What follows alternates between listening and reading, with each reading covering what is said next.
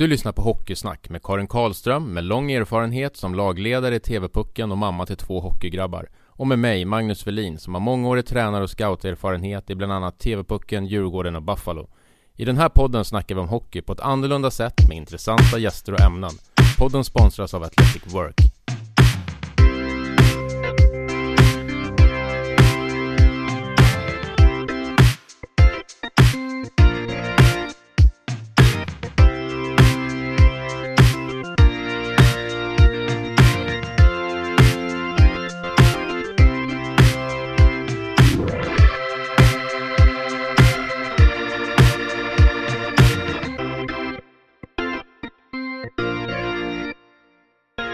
Mentala utmaningar, det är ju någonting som alla någon gång hamnar inför. Oavsett om man är idrottsutövare eller inte och oavsett nivå.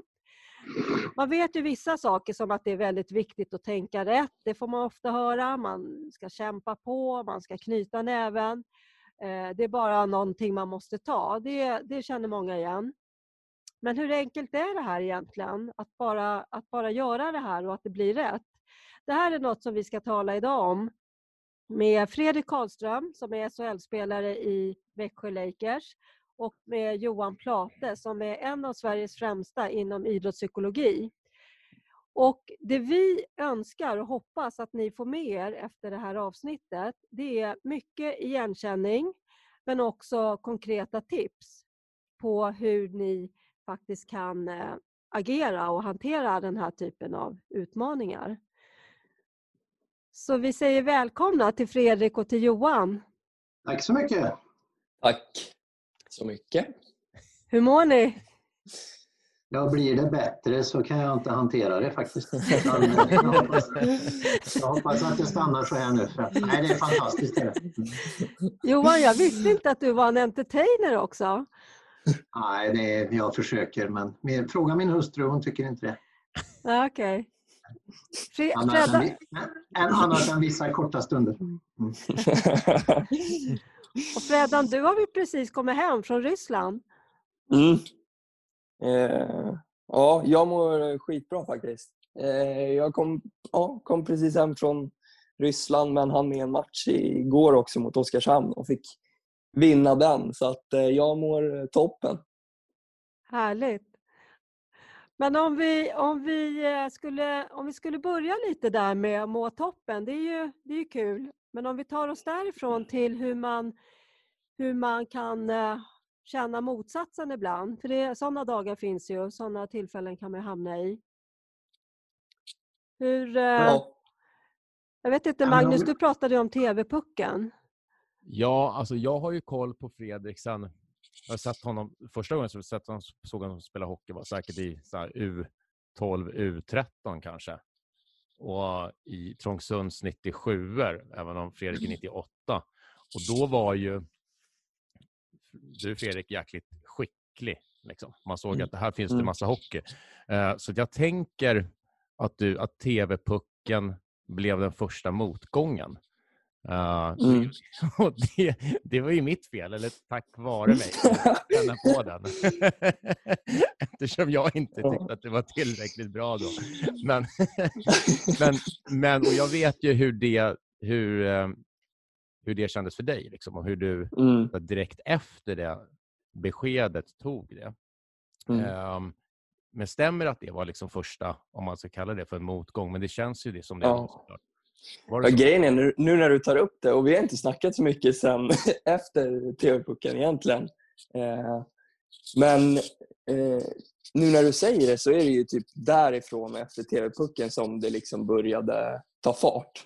Mm. Alltså i min karriär. Så att eh, jag har dig att tacka faktiskt där. Ja, du ser. Som, jag visste att det var tack vare mig. mm. som, som scratchade mig. Ja. Men på så riktigt att, så var det väl ändå ganska bra. Det är klart att inte det kändes bra ja. då. Men du fick ju ändå en...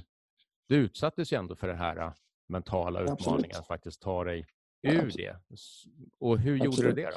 Har du några minnen av det där? Nej, men grej, ja, och jag minns, alltså jag minns hur arg jag var när jag gick ut. Eh, vi hade ju...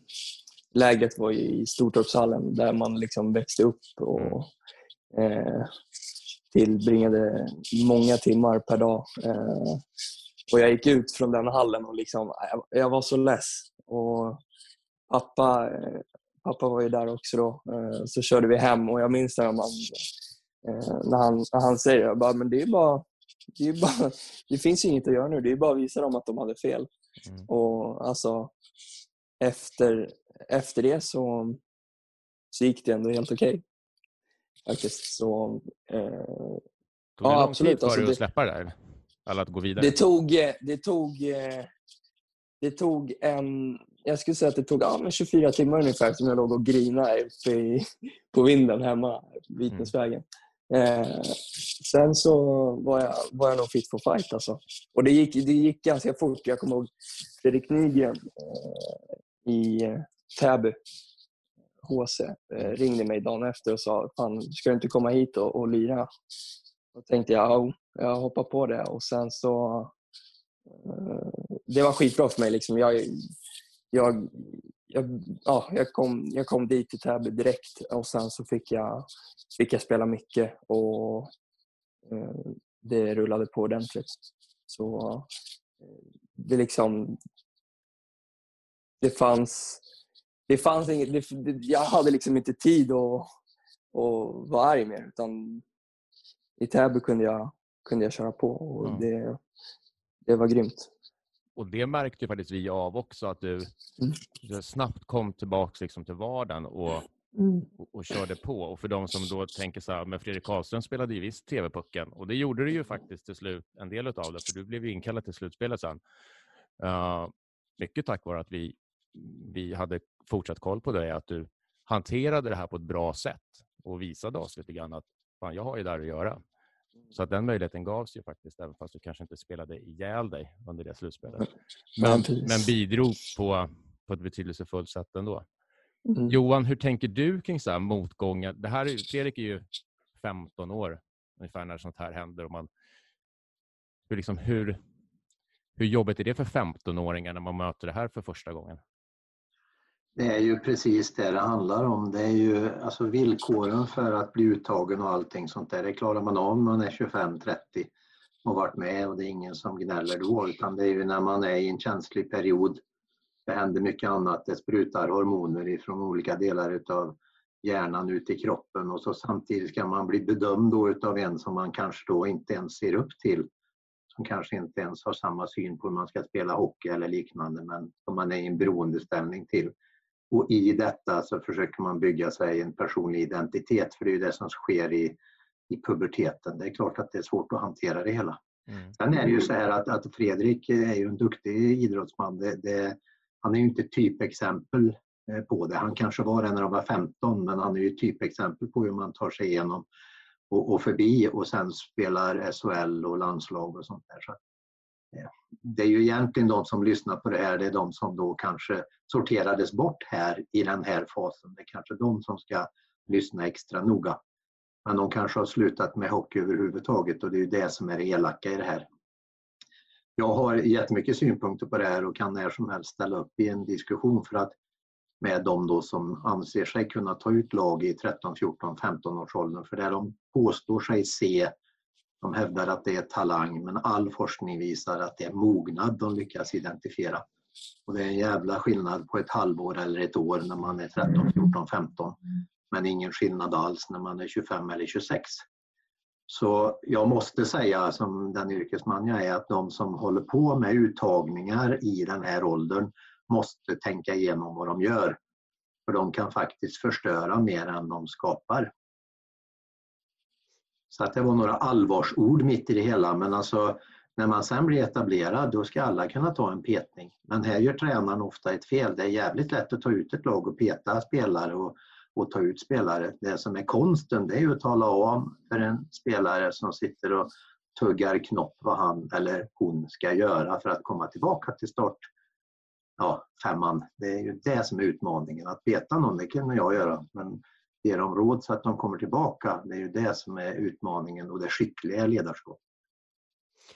Det där är ju superintressant det du säger Johan och jag, jag håller också med dig till, till fullo. Men vi har ju ändå att förhålla oss till TV-pucken är ju för den här årskursen eller årskullen och ja, hela upplägget är som det är. Men det vi alltid, i varje fall de här nio åren som jag har varit med, så har vi alltid varit supernoga och tydliga med att, att säga att det här är bara här och nu. Det här laget behöver inte vara det laget som skulle vara i närheten av att vara uttagna med de killarna eller tjejerna om eh, tre år, fem år eller framåt. Så, men, men det är ju precis som du säger, det är ju, det är ju en väldigt, väldigt liksom viktig, viktig del där för, för ledarna att ha den tydligheten. Sen är det ju en skillnad också. Jag menar jag som är från landsorten ifrån början och haft faktiskt, jag räknade efter här inför den här lilla övningen, jag har jobbat med sju elitserielag. Jag säger fel hela tiden, jag vet att det heter SHL, men jag kallar det elitserien. Eh, och det är en jävla skillnad mellan Luleå och Skellefteå än vad det är mellan Djurgården och AIK när det gäller den här typen. Alltså de har en helt annan syn i en, ska man säga, ett mindre socialt kontext där visserligen hockeyn betyder väldigt mycket, kanske mer till och med än i storstadsregionen, men trycket är ju väsentligt mindre. Eh, och där, jag har inte någon koll där, det kan ni ju säga. Hur är det med Stockholm, Göteborg, Malmö? Lyckas de varje år i, i eh, TV-pucken eller är det så att det är de mindre landskapen så att säga som lyckas? Jag har inte koll på det. Hur är det med det? man kan väl säga att Stockholm lyckas generellt sett väldigt bra. Uh, Göteborg ofta mer långt. Skåne faktiskt inte. Jag gick tillbaka inför den här säsongen som var nu, eller hösten, och tittade på de åtta senaste säsongerna tror jag. Då är Skåne i ett slutspel, vilket de då i och för sig vann. Men annars så är de ju generellt sett rätt bra såklart. Men sen är det ofta Västerbotten, ofta mer bra. Gästrikland, Östergötland, Småland är bra, men det är ett stort distrikt. Absolut. Um... Nej, men min, min poäng är ju det att, att allt handlar ju om att få balans mellan krav och förmåga. Och är det så att man inte får hjälp som ung, eh, duktig hockeyspelare i det här fallet med att sortera bland kraven, då får jag problem och de kan bli långtgående om man inte passar sig. Vi kan ta ett exempel som, som eh, är lite vid sidan av, men det är ändå Stockholm. Eh, jag jobbade för många, många år sedan med ett fotbollslag, eller rättare sagt, jag gjorde inte det, jag blev blixtinkallad för det var ett fotbollslag i en känd västerortsklubb. De hade inte förlorat på tre år och de var nu 15 år. Och ni kan säkert ana. vi, kan, ana. Ja, det är från Grimsta-trakten. Eh, I alla fall, där då så, så, eh, de hade inte förlorat på tre år och de trodde ju på fullt allvar att de var Guds gåva till fotbollen. Där tog tränarna ett väldigt intressant grepp. De eh, matchade det här laget mot ett väldigt duktigt juniorlag och de fick dyngtorsk fick de. Det blev tvåsiffrigt. Och det intressanta inträffade efter matchen för då fanns det en vuxen person per spelare som direkt kunde kliva in och diskutera hur viktigt det är att vinna, hur viktigt det är att förlora. Och det blev en väldigt, väldigt bra övning för att en del av de här killarna de gick ju in i en smärre livskris för att de hade åkt på torsk. Mm. Medan rätt hanterat så förstod de att det här var en viktig del i utvecklingen. Det finns ju faktiskt sådana som är bättre än vad jag är och vad kan jag då till och med lära av den här motgången? För där, om jag då bygger på det, alltså den karriär som Fredrik hittills har visat, jag har ju läst på där också, eh, där det inte bara är framgång utan lite motgång ibland. Jag tror den är mycket, mycket bättre än om man firas som ung och sen så åker man på en jättesmäll när man kommer till hockeygymnasiet eller när man blir draftad eller sådär eh, och märker att oh fan, det finns sådana som är lika bra och bättre än vad jag är. Så att en del i hockeyutbildningen ska ju vara att kunna förhålla sig till, ibland vinner vi och ibland förlorar vi och hur förhåller vi oss till det? För sånt är ju livet också. Ja. Jag tänkte precis säga det, för, alltså för mig var det ju, blev det ju jättepositivt med den här alltså TV-puck. Alltså TV-pucken blev ju, det blev ju jättebra för mig. Alltså det blev ju positivt i och med att när jag blev eh, när jag inte kom med. Ja, för att du fick hjälp att hantera det? Lyck, exakt, jag lyck, exakt. Jag lyckades, jag lyckades komma ut starkare på andra sidan. Liksom. Och jag lyfte, lyfte i motvind kan man säga. Mm. Eh, så att för mig blev det Ja. Ursäkta, nu avbröt jag. Det var inte meningen. Ja.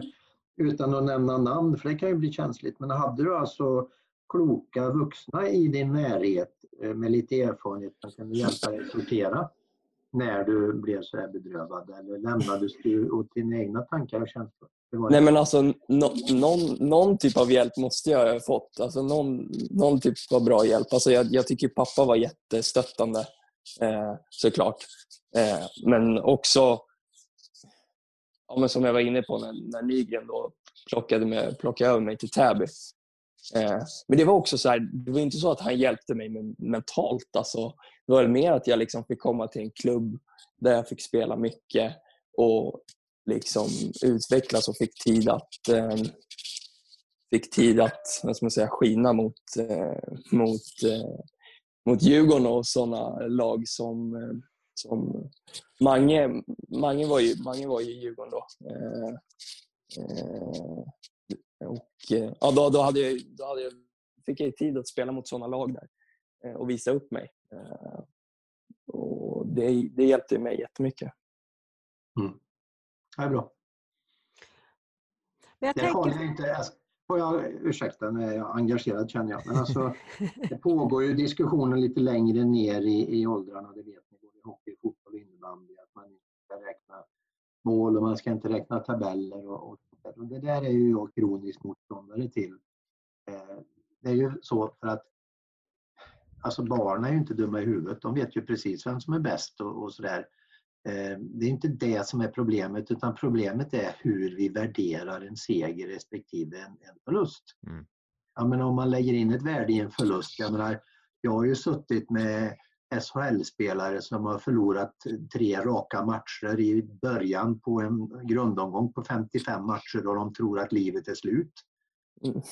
Det blir ju patetiskt nästintill. De har ju inte fått lära sig vad, alltså vad som händer. Och, och, och alltså en förlust är ju bara en möjlighet att lära sig och gå vidare.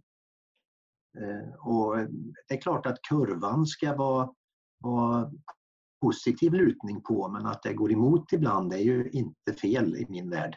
Däremot får det ju inte gå emot hela tiden utan tränarskapets utmaning är ju att lyfta eh, liksom och jag, liksom, jag brukar säga det, jag har inte varit med om någon prestation som har varit så usel så att det inte har gått att lyfta fram någonting positivt utav den. Och jag har ändå jobbat med AIK brukar jag säga. Eh, det var menat som ett skämt. Men Niklas kommer klippa in en jingel där så det blir... ja, ja. Nej, men alltså, det finns ju ingen prestation som är så usel på den här nivån så att det inte går att förstärka positivt. Och det är där vi ska fokusera, tycker jag. Mm. Sant. Det här med, det där är ju i stort sett ett eget avsnitt faktiskt, där du pratar om det, just det här med, med eh, att man kanske tar bort, man räknar mål och tabeller och sådär. Och, och, utan att gå in djupare i det, för det tänker jag att det skulle man kunna göra vid ett senare tillfälle, men jag tror att det har mycket att göra med hur att det är brist hos tränare och ledare som gör att tabeller och sånt och så stressar en till att toppa lag och, och, att det är sådana grejer som gör det tyvärr. Att man ska vinna serier och så. Men jag, annars mm. är jag på samma bana som du va? när det, när det kommer till det där. Att... Sen måste man ju dra en, en kraftig skiljelinje mellan professionell idrott och ja. barn och ungdomsidrott. Jag menar, har man 200 eh, 000 i månadslön då kan man tåla både det ena och det andra utan att det blir kränkningar. Men man kan tåla vass kritik och det ska man göra är man 12-13 och inte har de alltså hjärnfunktionerna så att man kan sortera på ett bra sätt, så man kanske till och med har en petning personligt, mm. då är det ju värre så att säga. Så att eh, nej, eh, där behövs det lite mer finess. Eh. Det är inte, det är inte, alltså förlusten i sig är ju inte det som är problemet, eh, utan hur vi väljer att förhålla oss till den.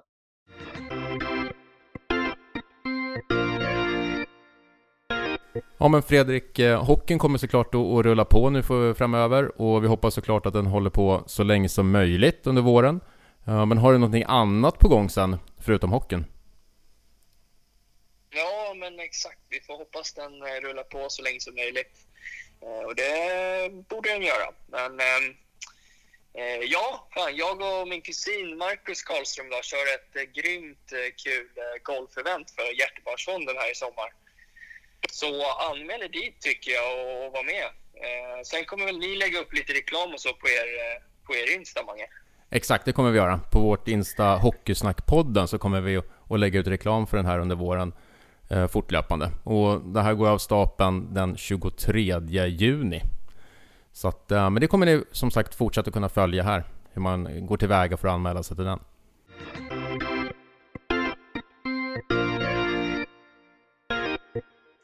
Jag tänker bara så här innan vi, innan vi lämnar TV-pucken. Eh, vad skulle ni säga båda två som tips? Johan, du kanske då till föräldrar och Fredrik, du till, till killar och tjejer. Vad, vad skulle ni ge för tips till dem som då blir bortvalda i, i den åldern? I ett sådant sammanhang. Börjar du Fredrik? Ja, eh, Oh, alltså det här är så, det är så svårt för jag, det, det, handlar också mycket om hur man är som, som person. Men alltså för mig själv, jag kan bara säga, jag tyckte ju hockey var så jäkla roligt. Så för mig, alltså för mig att bli petad, ja det sög ju. Och jag var ju lack just där och då för jag visste hur kul eh, alltså TV-puckslaget skulle ha när de spelade den här turneringen. Men hockeyn försvann ju inte. Jag hade ju tid att liksom eh, fortsätta träna och spela med klubblag. Och eh, liksom, Det kunde gå bra där också. Och jag visste att det skulle gå bra där, för jag visste att jag, att jag var bra. Eh, och Tycker man hockey är roligt eh, så, liksom, så, spelar det ingen roll om du spelar i TV-pucken eller om du inte spelar i TV-pucken. Du, du du kommer fortfarande utvecklas i ditt klubblag och du kommer, det kommer gå bra. Så att eh, det är väl bara det jag kan säga. Alltså, om jag tänker på hur jag kände. Alltså det du säger är orka, hålla i eller? Ja, exakt. Alltså, eh, tappa, inte, tappa inte suget liksom. Fortsätt kör och eh, ha kul. Mm. Ja, jag håller med och sen så skulle jag lägga att det finns ju massor med saker men jag väljer att säga två. Då. Det ena är att vara väldigt duktig som vuxen i den här miljön och skilja mellan person och prestation. Du får liksom inte säga inte nog med att du gjorde noll poäng, du är ful också jävel. Alltså, du får inte, du, nej, det var också menat som ett skämt. Nu fattade du att det var ett skämt. Ja. Den här gången hänger jag, kan ha en liten, jag kan ha en liten sån här jingel före innan skämtet. All, oj, dumt av mig att skämta om det här. Det gäller att vara allvarlig här nu. Alltså skilj mellan person och prestation. Alla ska ha exakt samma värde i klubben och, och i laget, men det är kompetensen som skiljer dem åt och det är de som gör, eller det som gör om man spelar eller inte. Och att nästa gång kan det vara min tur. Sen är det ju så här att eh, det är ju inget rätlinjigt förhållande mellan tidig framgång och senare framgång. Jag, menar, jag brukar ofta tänka på William Karlsson eh, som då hade i princip slutat spela hockey. Han skulle bara städa av enligt rykten då den här och så kunde han åka hem till Sverige. Men sen bestämmer sig NHL för att starta ytterligare ett lag och då, då, det var ju inte toppspelarna som de tvingades lämna ifrån sig. Eh, de övriga 30 lagen då. va. Och så samlas de i en ökenstad. Eh, och det skulle ju kunna vara öken på riktigt men det, den säsongen får han spela en NHL-final och jag tror han gjorde 78 poäng. Kan det stämma Magnus? Det skulle kunna stämma. Han hade en fantastisk säsong. Det, var helt, det var helt galet var det och de höll nästan på de här främlingslegionen som samlades i, i öknen och, och ta Stanley Cup och förlora i finalen. Och, och, min poäng med det, det är att det är oftast inget problem med kompetensen men det kan ju vara vissa perioder när man blir bedömd på olika sätt och så. Det, det skulle jag vilja lite senare i samtalet att vi kommer in på ett begrepp som pratas väldigt mycket om i min värld, nämligen grit. Känner ni till det? Yes. yes. Ja. Ska vi ta det nu eller senare? Karin? Ja, kör du. Kör du. Det nu, annars glömmer jag bort det. Alltså, det har forskats oerhört mycket på det som kallas grit på engelska har blivit väldigt uppmärksammat, inte minst i skolvärlden. Och grit då på lite vulgärt översatt, det är jävlar anamma. Och det var det Fredrik var inne på, att inte ge sig utan komma igen. Och då har det visat sig vid forskning att om du har rätt grit, det vill säga inte tittar på klockan med fem minuter kvar på träningen och sen är av isen i samma ögonblick som tränaren blåser i pipan utan kanske tvärtom stannar och skjuter hundra skott till eller gör några bågar och lite baklängesåkning några svängar till innan jag går. Alltså är beredd att promenera en mil till. Förutom att jag tycker mig se dem där hamna i landslaget på slutet. Utan, inte slutet utan senare i karriären. Men har, forskning har visat att man kan alltså kompensera både för talang, ekonomi och intelligens. Vad säger ni om den? Jag tycker det är jätteintressant. Alltså, om man kommer på sig själv med att vara sjukt intresserad av hockey, det här vill jag verkligen göra, men märker att farsan och morsan har inte en miljon som kan köpa nya skridskor varannan träning och ha hundra klubbor i bagaget. Och jag är inte mer än normalbegåvad heller och inte särskilt talangfull heller. Men jag kan alltså kompensera det med att vara väldigt, väldigt idog, väldigt noggrann, tålmodig, komma på varenda träning och så vidare. Och så vidare. Och det är alltså påfallande många av de här som sen dyker upp i en SHL-klubb eller i en NHL-klubb eller KHL-klubb. Alltså jag skulle kunna mm nämna tio på rak arm utan att blinka som då inte var några TV-pucksstjärnor men nu är alltså etablerade yrkesmän. Det är ganska mm. fascinerande. Mm. Mm. Jag måste bara tillägga också att det är så jäkla roligt också att eh, få visa TV-puckstränare eh, om man liksom inte kommer med eh, att de gjorde fel också. Alltså, bara det, att få liksom revanschera sig, det är klockrent. Mm. Häftigt. Mm.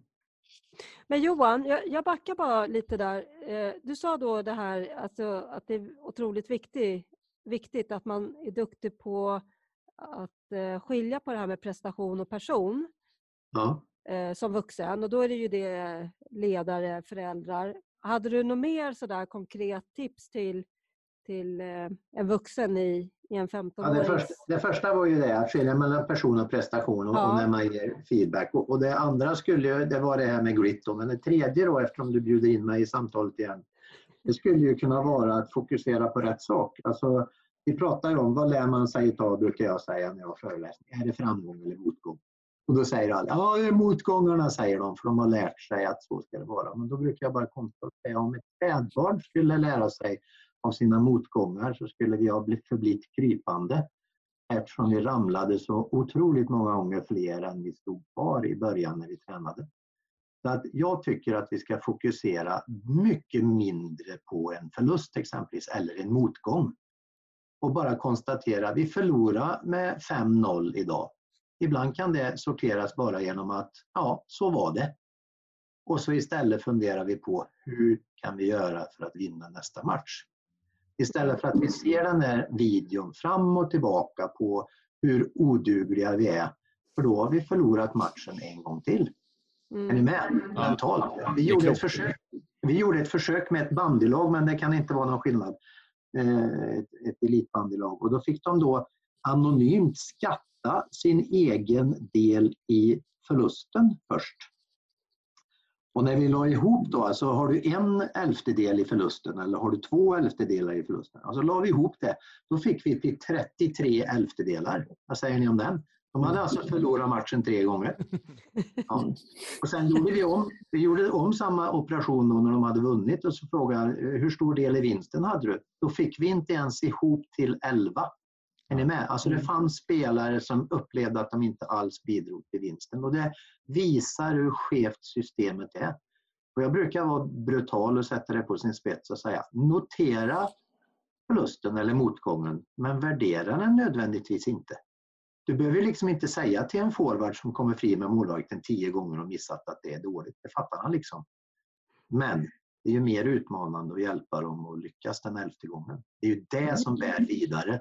För skulle vi inte ha fokus där, då skulle ju alla som håller på med elitidrott sluta eftersom man förlorar ju betydligt fler gånger än man vinner. Det där är ju superintressant. Jag måste berätta en sak som en före detta granne berättade. Han, Pelle Fahlström heter han, han eh, stod i mål i Hammarby. Jag vet att inte du är Hammarbyare Johan. Så att, jo, eh, jag är allt. Ja, du har... Ja.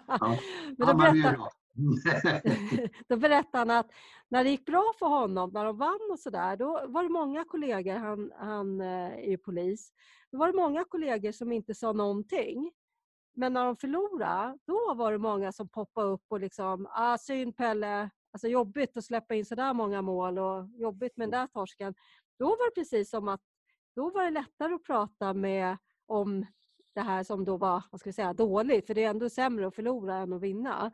Alltså det är ganska intressant hur, hur även de då som inte är, är i det, men också väljer att fokusera och på något sätt tycka att det är enklare att prata eller närma sig någon då, när det är ganska märkligt ju. Är ni med Ja, på? det är konstigt. Det är så vi, hur vi är, vi människor, och det ligger i sakens natur. Alltså, vi är ju mitt uppe i, i något eh, eländigt som drabbar hela mänskligheten. Men alltså, det är ju inte uppbyggligt att lyssna på en nyhetssändning. Och ibland Nej. kan jag, jag kan vara kritisk till det, och utav ett enkelt skäl. Alltså, det är så pass jävligt det som händer i världen just nu, så vi behöver ju inte förstärka det ännu mer. Eller hur? Nej, nej. Så att det, är, det är ju lite där den här diskussionen ska börja. Alltså, hur tar man en utmaning? Alltså, är det viktigt för mig att vinna eller spelar jag hockey för tränarens skull eller morsan och farsans skull? Eller spelar jag hockey för min egen skull för att jag är så sjukt intresserad av det? Jag kan ta en liten grej där för att ett av dem jag har på med det här yrket som mental coach eller idrottspsykologisk rådgivare i 35 år snart. Och fortfarande med förhärdade elitidrottare och multimiljonärer ett råd som fortfarande är fruktansvärt effektivt. Det är kom ihåg varför du började spela hockey. Alltså framkalla Mm. känslan av när jag såg en match på TV och en nanosekund därefter var jag ute på gatan och körde landhockey tillsammans med polarna. Alltså det drivet, det var ju det som någon gång förde mig vidare. Förstärk det istället för att förstärka känslan av att vinner vi inte den här matchen mot Oskarshamn borta, då är vi körda. Är ni med? Och där, där, där, det är ju det som ligger till grund för ja, menighetens då kommentarer till den här stackars målvakten Fahlström. Jag känner igen det, det är, det är väldigt vanligt det är så, men alltså vi har ett ansvar för hur vi ser på vår egen prestationsmiljö. Det, det ansvaret kan ingen ta ifrån oss. Av det skälet, Fredrik, så har jag en fråga. Alltså, nu när man åker omkring i blågult och så, då kan man ju hantera det mesta misstänker jag, för oss som inte Mm. varit i närheten av ett landslag. Men hur, hur var det att bli, alltså tillhöra Linköpings organisation och sen bli utlånad till en division 1-klubb, höll jag på att säga. Så andra Ja. division. Nej, men Eh, hur ja, kändes det? Ja, det var ju jag själv eh, som, som bad om en utlåning då. Ja, ja, Eh, men, men för att, ja. ja, nej, men alltså, jag, och det var ju för att, jag, för att det var piss. Det var Mm. piss att tillhöra den klubben då. Eh, då mådde jag... Eh, alltså, jag mådde väl kanske inte skit, men jag mådde, jag mådde inte som jag mår nu kanske. Eh, alltså jag, det, känd, och det, var, det var tufft liksom som, som ung. Jag kom, jag kom från AIK efter ett, efter ett bra år eh, och liksom hade tänkt att nu, nu kommer jag ta... Härifrån kommer det bara flyga och jag kommer ta, ta mina kliv och sen kommer jag spela NHL. Liksom. Eh, och så kommer verkligheten och jag eh, blir åsidosatt och tuggar knopp i ja, ett och ett halvt år. Kan man säga. Men kan du sortera i det då? Vad var det som var jobbigast? För att, jag menar, det fanns ju folk i din närhet som sa att eh, du är duktig, fortsätt och allting. Mm. Var det det faktum att du blev bedömd eller var det det faktum att du började, ditt självförtroende började svikta? Eller vad var det som gjorde att du mådde mindre bra?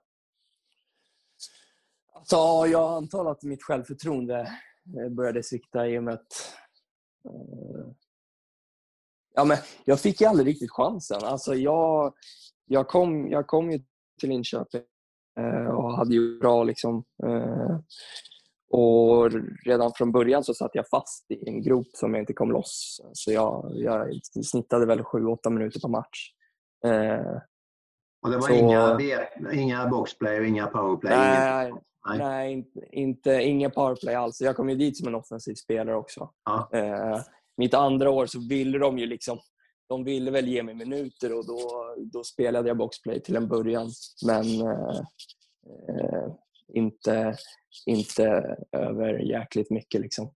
Eh, så ja, självförtroendet var, var inte på topp och jag satt fast kan man säga. Och det var egentligen, det var egentligen när jag hade, jag, jag signade ju då mitt andra år eh, i Linköping så signade, eh, skrev jag på för, för Växjö när det var tre månader kvar kanske. Eller mer, kanske ett halvår kvar av, av den säsongen med Linköping. Och det var egentligen då som, som allt bara släppte och jag inte levererade ordentligt men jag liksom, då gick det bra för mig i Linköping och, och eh, då fick jag spela del.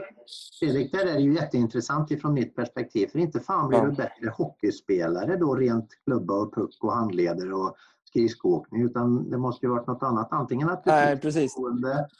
eller vad var det ja, men, som hände? Så långt ja, men alltså, Linköping?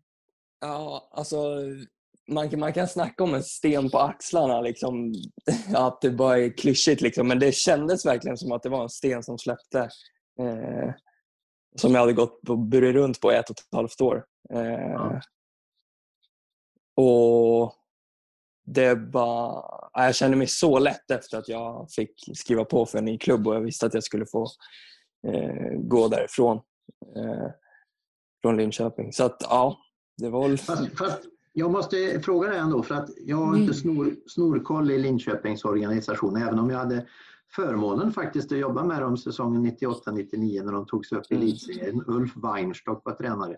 Det var mm. nästan 150. Bara en sån sak. Bara en sån sak. Det var ett fantastiskt år. Men det kan vi prata om en annan gång. Men, eh, så jag, då hade jag inblick. Men jag har för mig att visst har de en mental coach kopplat till sig som också är duktig på fysträning. Har de inte det? HV? Eller Linköping menar jag. Uh, Eller är det HV har... jag blandar ihop det med kanske? De, eh, ja, nej, de, han nej, det har de, nej, det hade de inte. De, ja, de hade dock en, de hade en mental coach. Eh, ja. Men jag var nog, jag var nog ja, jag vet inte, jag var nog så less bara på allting så jag orkade inte sitta. Just då så orkade jag nog inte sitta och prata med honom om, om, om allt skit bara. Jag vet, jag vet inte, jag, jag, tog inte tag i det på, på så sätt. För det kan ju jag vara lite kritisk. Nu har jag haft förmånen att få jobba med flera elitklubbar då, som mm. då har tänkt lite så. Men alltså, det är ju självklart mm. att man har två materialare och en, mm. en fysio och kanske till och med en läkare och de etablerade klubbarna har någon som sköter tandläkeriet också. Mm. Men det hör fortfarande till ovanligheten att man har en kontrakterad mental coach och det kan jag tycka är jättekonstigt för det är ju rätt mycket pengar och sånt där som är i omlopp. Och det borde vara en prioritet att få spelarna att ha balans mellan krav och förmåga. Men kanske inte. Ja, jag minns att mitt andra år så fanns det, så fanns det en mental coach där. Men då kan jag, jag, jag kan tycka då som ung att de, de borde kunna ha sagt till mig liksom, och gå och snacka med honom också. Och liksom ja. få, få snacka av mig och kanske, vem vet, jag hade kanske det hade kanske lyft, lyft mig eh, tidigare. Ja, kan så vara. Men Johan, eh, jag tänker på det här med att, att klubbar då kanske har eh, sådana här coacher, mentala mm. coacher. Mm. Kan, inte bli, kan man inte hamna i ett läge också, jag tänker så här, om Fredrik, om vi tar ju han då som exempel, eh, känner sig nere och går och pratar med honom, kan man inte känna också så här, jag vill inte ha med den här föreningen att göra i de här samtalen. För att, jag vet inte, den där coachen har ju ändå någon connection med tränaren och med organisationen. Alltså då skulle jag kanske själv ringa eh, liksom till farsan eller till dig Johan, eller, alltså någon mm. som är extern, liksom, som inte är i mm. den där geggan. Ja, men det, jag tycker det är en väldigt bra synpunkt. Samtidigt så är det ju i så fall, om du har rätt Karin, så är det ju oprofessionellt. För att det är ju likadant med, med lagläkare och sjukgymnaster. Och så. De har ju tystnadsplikt och det ska ju en, en eh, legitimerad idrottspsykolog ha också. Nu är det inte alla som är det då, inte jag heller. Eh, för det finns ingen sån utbildning kan man lite enkelt säga i Sverige. Men vi har ju en självpåtagen eh, tystnadsplikt så det skulle ju vara mig främmande att springa och säga till tränaren efter ett sådant samtal att ta inte ut Fredrik för fan för han är, han är oduglig, det är en vekling. Det, så, så det, men absolut, det är ju inte titeln som avgör om det är bra eller dåligt utan en klok förälder eller en, en vuxen som man har förtroende för som man kanske inte delar blod med men som man gillar skarpt. Att bara sitta ner och bolla lite med, med en sån person, det brukar hjälpa. Absolut. Ja, och så vill jag ju tro att det faktiskt är i, i ja, förhoppningsvis alla fall, men åtminstone de flesta. Det är som du säger Johan, så det är ju den stora anledningen att man, att man kan prata med någon som faktiskt inte tar ut laget. Att det är en Ja, stor skillnad att precis. prata.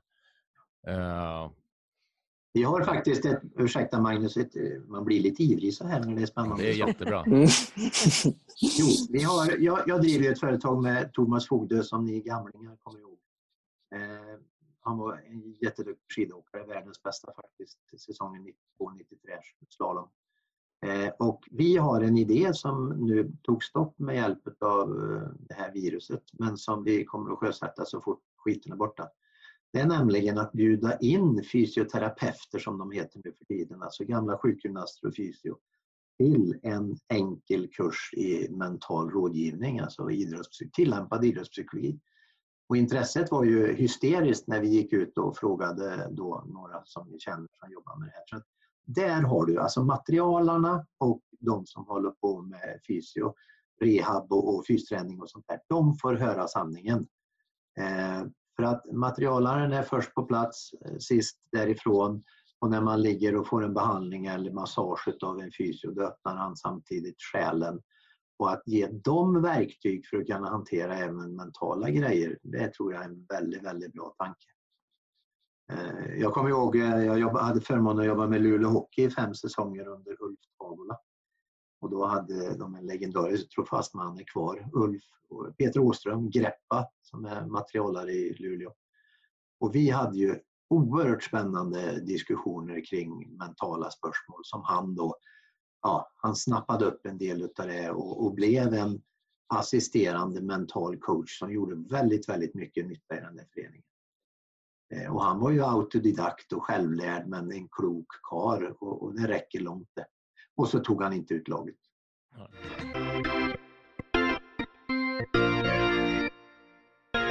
Vi är sponsrade av Athletic Work. Athletic Work är ett bemanning och rekryteringsföretag som hjälper personer med någon form av idrottsbakgrund på alla nivåer. Från idrotten får man med sig goda egenskaper som är viktiga på arbetsmarknaden. Viljan att vara bäst och prestera sitt yttersta på tävlingsplanen, som på arbetet, är det mål som Athletic Work och deras konsulter strävar efter. Athletic Works vision är att skapa ett idrottslag på arbetsmarknaden. Det har idag hjälpt flera personer ut på arbetsmarknaden och av egna erfarenheter vet jag att kontakt med Athletic Work faktiskt leder till jobb. Så om du letar efter ett nytt jobb, tveka inte att höra av dig på www.athleticwork.se. Tack Athletic Work!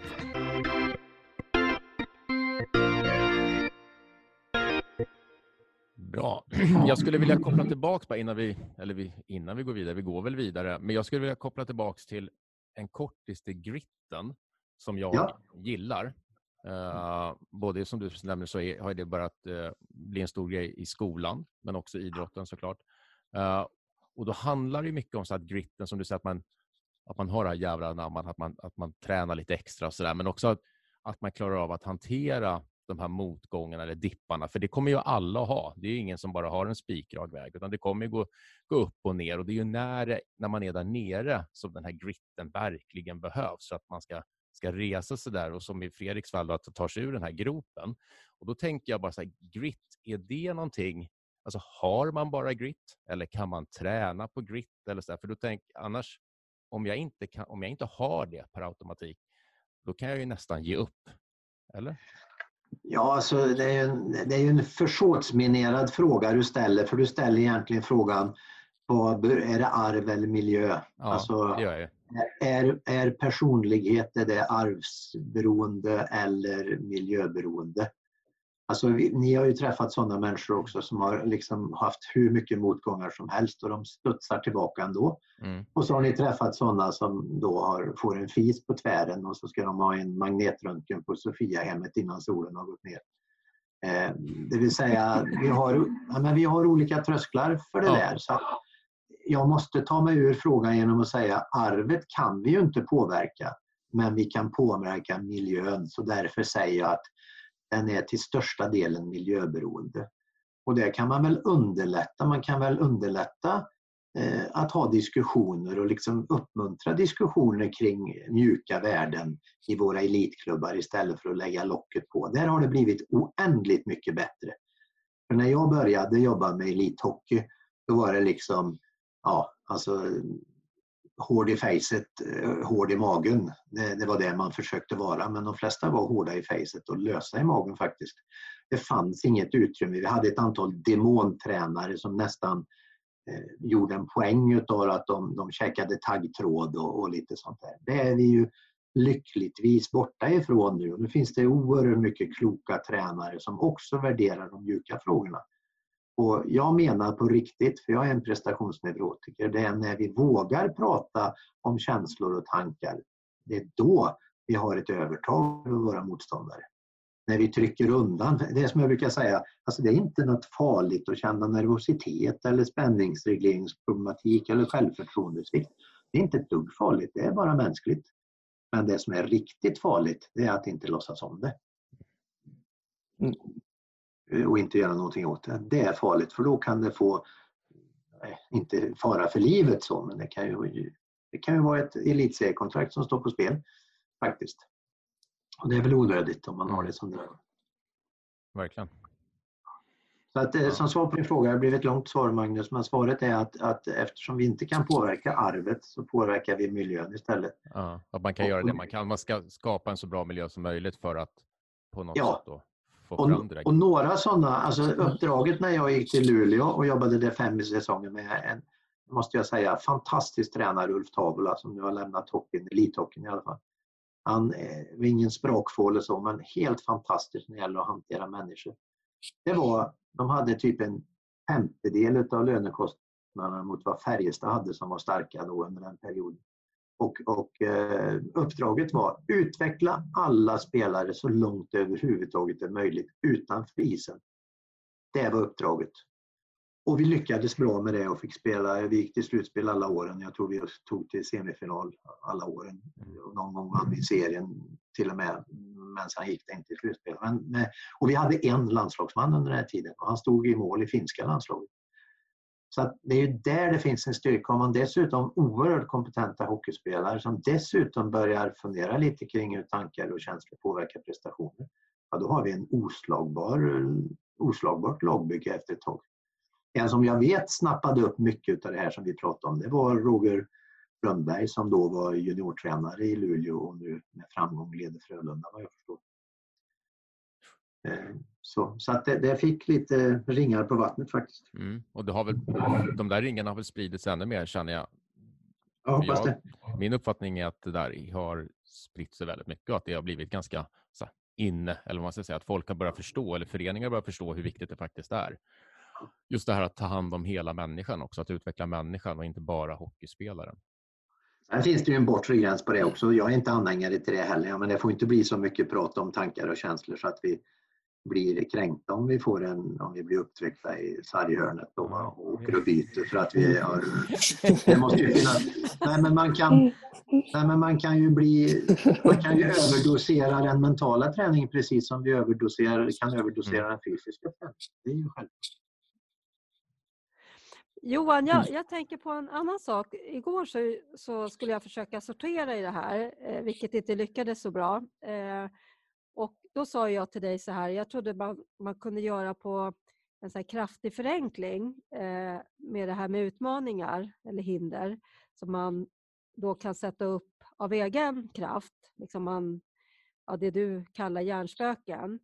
Eh, ja. Men så tänkte jag ju också att man måste väl också kunna få externa hinder, alltså att någon, någon i form av kanske en tränare ger för lite kommunikation och ja, då liksom startar det massa konspirationstankar hos mig. Och, eh, och då, ja, du kan ju berätta själv vad du sa till mig. Jag har ju, opponerade mig lite, det är ju inte ovanligt, det brukar jag göra ibland. Då. Men, men alltså, som pedagogisk modell fungerar det naturligtvis, men till syvende och sist så är det ju du själv som ger tillåtelse att bli kränkt eller glad eller förnärmad eller förbannad eller så. Och tar du det vidare när du står inför en utmaning, alltså vad ska du satsa din energi på? Eh, att runda hindret eller försöka att få eller hoppa över hindret eller ska du försöka att få hindret, kanske i form av en tränare, att ändra sin grunduppfattning? Eh, kanske inte lyckas så bra utan jag skulle välja att man förhåller sig. Det blir ju jädrigt lätt en diskussion kring om glaset är halvtomt eller halvfullt. Men ägna energin till att hantera det som poppar upp i din egen tanke och känslovärld. Ägna inte energin till att tala om att tränaren är dum i huvudet eller så, för du är ju ändå i beroendeställning till honom eller henne. Och därför måste du förhålla dig till det. Och du har ju liksom signat eh, när du skrev på för klubben att det är tränaren som har tolkningsföreträde. Och nu väljer han att spela dig i fjärde femman eller att du får sitta längst ut på bänken och, och tugga knopp som ni säger. Eh, ska du då försöka ändra tränaren eller ska du då ändra din egen inställning? Ja, det sistnämnda. Och det är det så skönt att höra eh, Fredrik, även om han som ungtupp la in lite revansch i det hela. Det är också en driv, bra drivfaktor. Men han sa det att jag jobbade med mig själv och med min egen insats för att ta tillbaka min plats, för att ta tillbaka min position. Och det var en skön känsla. Och det gjorde du ju inte. Han ska ju få svara själv Fredrik. Jag tror inte du gjorde det för att visa tränaren utan mer visa för dig själv och kanske Hockey-Sverige att jag är så bra så jag ska spela i landslag. Var det inte så? Mm. Jo, absolut. absolut. Det är, väl det är självklart. Jag visade för mig själv och det var bara extra skönt att få, få liksom visa alla andra också. Det var ju bara pricken över i. Liksom. Precis. Du har ju aldrig liksom försökt att försköna den bilden när det inte gick bra. Utan du har ju alltid varit väldigt öppen liksom med mm. ah, men jag, jag spelar ju så här, så här mycket eller lite. Eh, ja, du har varit väldigt ärlig liksom och det har väl också gjort, känns det som, i varje fall när man står så här vid sidan, som att många räcker ut en hand till dig liksom, just för att mm. du är så ärlig och öppen med, mm. ja, det här är som det är liksom. Mm. Ja men säkert. Alltså, och det har liksom hjälpt mig att, att, eh, att, att ta det lilla jag får också.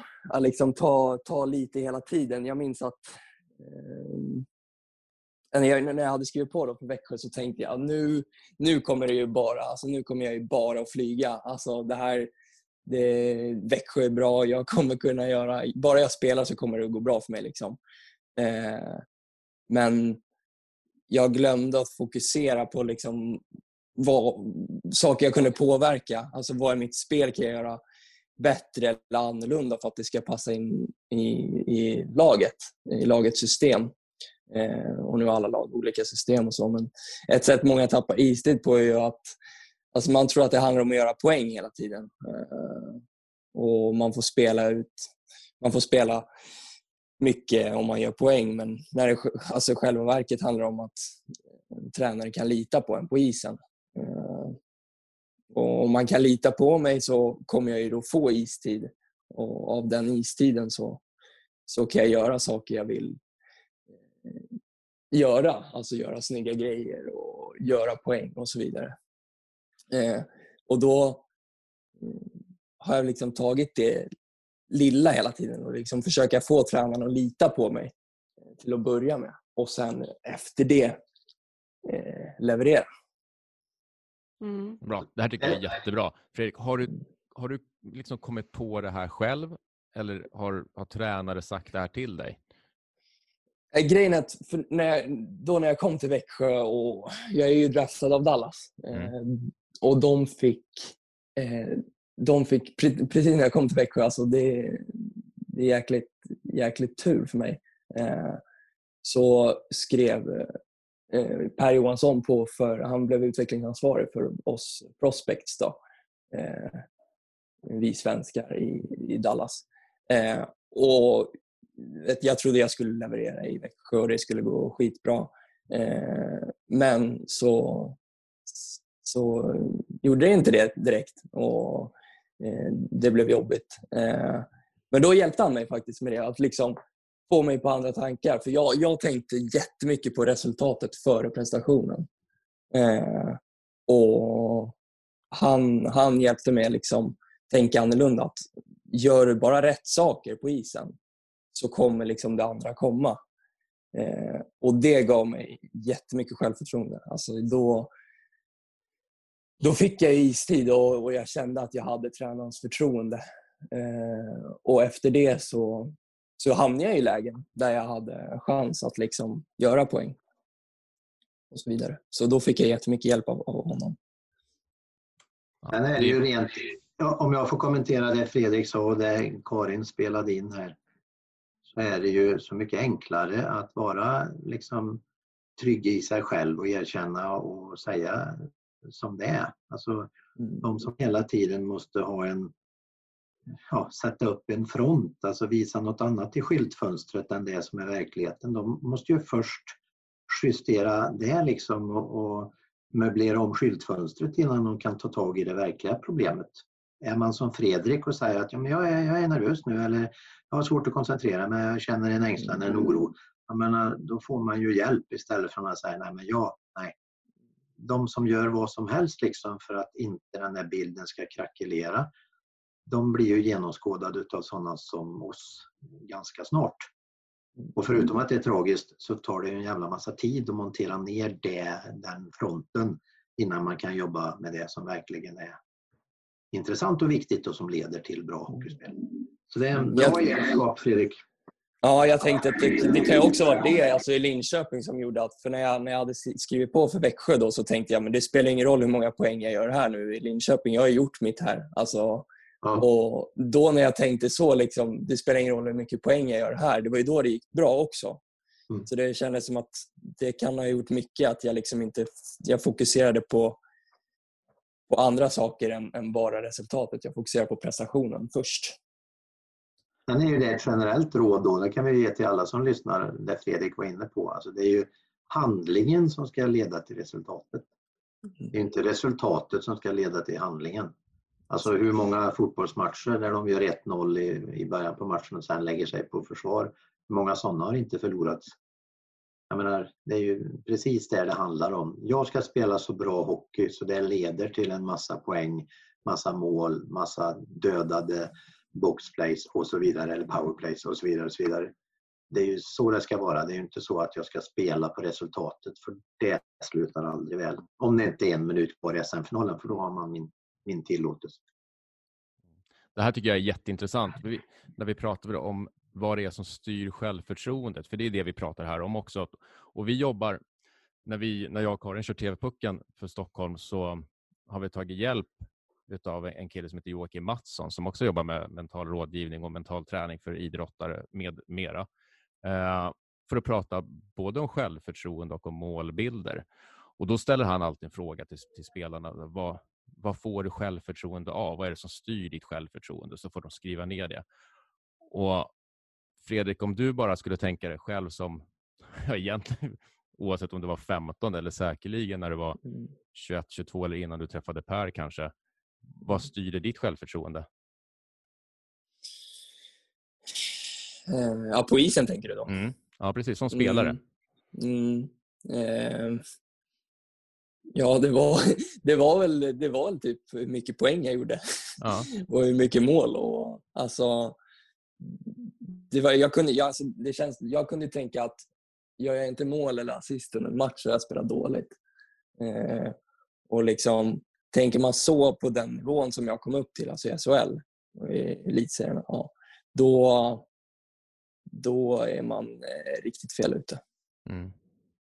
Och det är så att man lämnar över självförtroendet att det ska styras av en massa andra människor. För det är ju, du kan ju inte enbart påverka din poängproduktion själv, utan det är ju massa andra människor som, som påverkar det också. Och Ja, exakt. Och den, alltså, den målvakten. så att, förlåt, ja men precis. Och motståndare Ja. och alla möjliga, och medspelare också faktiskt. Ja, exakt. Men att som, som du säger, då, att det nu mera kommit till att det faktiskt är prestationen, alltså i Mm. form av handlingar, vad du kan göra på isen. Så vad du kan koncentrera dig på och att det Mm. liksom styr eh, mer. För det är som Johan sa, du var inte en sämre hockeyspelare år två i Linköping så fort du blev klar för, för Växjö, utan du var ju Ja, precis samma. Du kunde ju samma saker då. Mm. Ehm, jag tycker det är en intressant grej. Men vad som faktiskt styr självförtroendet och hur man kan jobba med det. Mm. Men Johan, har, har inte ledarna ett större borde inte de ta ett större ansvar i det där? För det här är ju, det Fredrik berättar om här och som blir väldigt tydligt, hur han gör den här förflyttningen, är inte det något som vi som alla ledare runt de här ungdomarna eller även när de är eh, lite äldre borde liksom ha väldigt mycket fokus på? Ja, det är ju en ledande fråga så att jag säger ja på det. Samtidigt så måste man, alltså, det är väldigt mycket som tränarna och ledarna ska göra.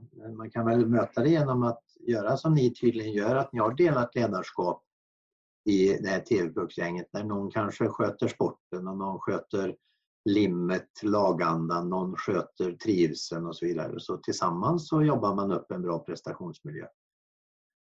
Och sen så tycker jag det är, alltså är det elitnivå, det är inte säkert att alla NHL-coacher ordnar pepparkaksbak inför julen och sånt där utan det ligger lite i deras roll att stå en bit upp på läktaren med lite tuggtobak och se tuffa ut. För att det är ju en eh, del av underhållningsidrotten också.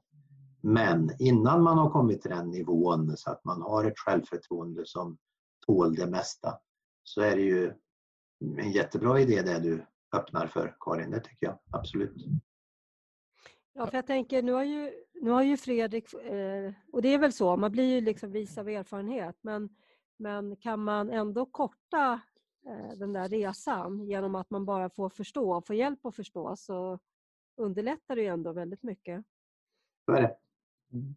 Alltså, han, jag måste bara sticka in Karin, för jag blev nu när, det, när Johan pratade om, om NHL-coacher och pepparkaksbak och sånt där. Och, för vi, vi eh, hade ett par spelaragenter som gäster uh, i ett tidigare avsnitt och då, berätt, då träffas man ju eh, ibland på vissa camper så där man samlar liksom de spelarna som man har i en agentur och sen så, ja, så, så de yngre får lära lite grann av de äldre och så där. Och så var det, berättade den ena agenten att att det var en NHL-spelare som, som frågade den här yngre spelaren som är kvar hemma i Sverige hur många gånger som hans tränare har frågat honom hur han mår den senaste tiden. Och då är ju det här hemma ofta, åtminstone någon gång i veckan kanske. Och den här NHL-spelaren sa att jag har varit i samma organisation i fem år och jag har fått den frågan en gång. De skiter fullständigt i hur jag mår, bara jag presterar. Så Det är ju liksom en annan mm. miljö. Och här hemma är vi ju vana vid det här ja, som vi har ägnat nästan en timme åt att prata om, hur vi vill att också att det ska vara. Men så är det sådana otroliga kontraster till hur det faktiskt är där borta. Mm. Men det är ju det som är, alltså, jag, är, jag har inga illusioner när det kommer till elitidrott så, men alltså min aspekt på det hela det är ju att om man då vet att otrygga spelare levererar mindre bra än trygga spelare, då, då är man ju klent begåvad i min värld om man inte ser till att de blir trygga. Mm. Jag har på nära håll följt några sådana här NHL-camps eh, för New York Rangers eh, organisation eh, och spelare då som har försökt slå sig in i laget. Och enkelt uttryckt går det ju, ja det kommer 60 spelare till ett camp och sen så en vecka senare så får 30 av dem åka till Hartford och de andra får åka till Manhattan liksom. Lite enkelt uttryckt så. Och där dröjde det fyra dagar innan headcoachen överhuvudtaget adresserar spelargruppen. Mm. Enligt den här personens då ögonvittnesskildring. Han stod halvvägs upp på läktaren med armarna i kors bara. Och han lämnade fältet helt fritt för egna tolkningar. Och vad hände då? Jo, de ängsliga blev ju ännu ängsligare. Och de etablerade förstod ganska snart att ja, men vad fan, min plats är säkrad. Och i den processen så skulle det ju inte vara helt omöjligt och, och spelaren jag pratar om, han klarade inte av detta men gick till en annan klubb istället och blev stjärna där. Det är ju, det är ju rätt eh, konstigt att man förfar med materialet på det sättet. Om vi skiter i att de är människor utan robotar så är det väl dumt att ställa in roboten så att han underpresterar. Mm. Och, och den, den delen förstår inte jag överhuvudtaget. Jag förstår att man vill vinna men att man tackar nej till en del i processen som är viktig för att vinna, den förstår jag inte. Men det där blir som någon slags mental krigsföring. Ja, visst. Mm. Och en del spelare klarar av det här, alltså det är inte något konstigt då. Och en del gör det inte. Men det är ju inte givet att de som klarar av den här tunga mentala pressen eller selektionspsykologin, det är inte säkert att de är de bästa hockeyspelarna. Och det är det som jag skjuter in min kritik på. Ja, Det är en befogad kritik kan jag tycka. Men man kan, tänker kan man, nu känns det ju som att ledarskapet, nu ska vi inte prata om hur det är på andra sidan Atlanten och sådär, men innan man släpper det helt så känns det som att ledarskapet där borta kanske har förändrats lite grann och gått lite mer åt, åt det vi här hemma kanske kallar för, för det moderna ledarskapet där vi ser mer människan och sådär. Men Ja, det har blivit här- mycket bättre. Det ja, blivit. Mm. det är i alla fall min uppfattning. Det är kul eh, det du säger här Fredrik, för eh, jag kan inte låta bli att dra en koppling här till, vi, vi spelade in ett avsnitt tidigare med eh, Gabriel Landeskog och han Mm. sa också just det här med eh, våga verkligen bara vara dig själv så blir det väldigt bra. Och det, är- det är precis det, du, det vi har pratat om här också och det du säger. Och det, Mm. det tycker jag är jättebra för lyssnarna att, att höra liksom från olika håll hur, hur väl det fungerar. Mm. Ja, absolut. Alltså, ja, det känns som att det är dumt att inte vara sig själv. Alltså, du, du, ja, nej, jag, kan inte, jag kan inte lägga in så mycket mer. Det, det. Nej, men det är som eh, Johan sa där. Det är, det är dumt att lägga energi och tid på att möblera om ett skyltfönster. tycker jag var Mm. bra formulerat. Mm, faktiskt. Bra, men jag tänker om vi skulle ta och börja runda av lite grann. Och Mm. eh, då tänkte jag göra en eh, Karin, så jag tänkte lämna över ordet till, till, till dig Johan. Om du skulle ta och summera lite dina bästa tips till, till de som är runt den som spelar och sen får, får Fredrik också Mm.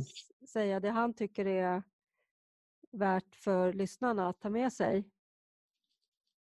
Ja, då börjar jag och så säger jag så här att, att eh, när det gäller prestationsmiljön så skulle jag vilja lyfta de mjuka frågorna och göra det okej för spelare och ledare att prata om det. Det håller på att bli mycket bättre men det måste bli ännu bättre ändå så att säga. Vi är inte framme. Skilja mellan person och prestation och sen prata på djupet om hur viktigt det är att vinna respektive förlora. För där har jag en gammal definition som jag lärde mig. Det som skiljer vinnare från förlorare det är att vinnare de älskar att vinna, hatar att förlora men är inte rädda för det. En förlorare älskar att vinna, hatar att förlora och är livrädd för att göra det. Och, och det föder organisationer där man presterar för att undgå nederlag. Och då krymper människorna, spelarna efter ett tag.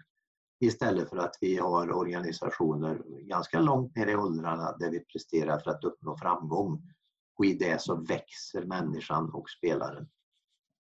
Så att det skulle jag... Sen, sen rent konkret så skulle jag koppla gärna någon, till, någon typ av mental coach. Det behöver inte vara välutbildat och så, men alltså en klok vuxen med schyssta värderingar och normer för beteende. Koppla gärna en sån till laget tidigt.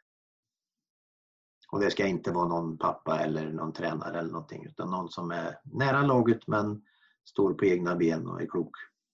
Det skulle jag föreslå. Ja, Mm.